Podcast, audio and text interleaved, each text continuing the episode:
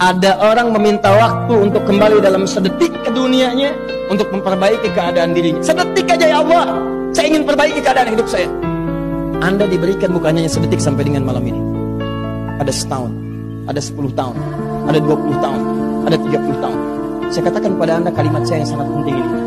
Ada orang-orang kata Allah dan kata Nabi, kata Rasulullah di alam kubur bahkan nanti di akhirat ingin kembali ke dunia karena ingin memperbaiki amalnya dan mereka tidak punya kesempatan. Anda sampai malam ini masih punya kesempatan untuk berubah.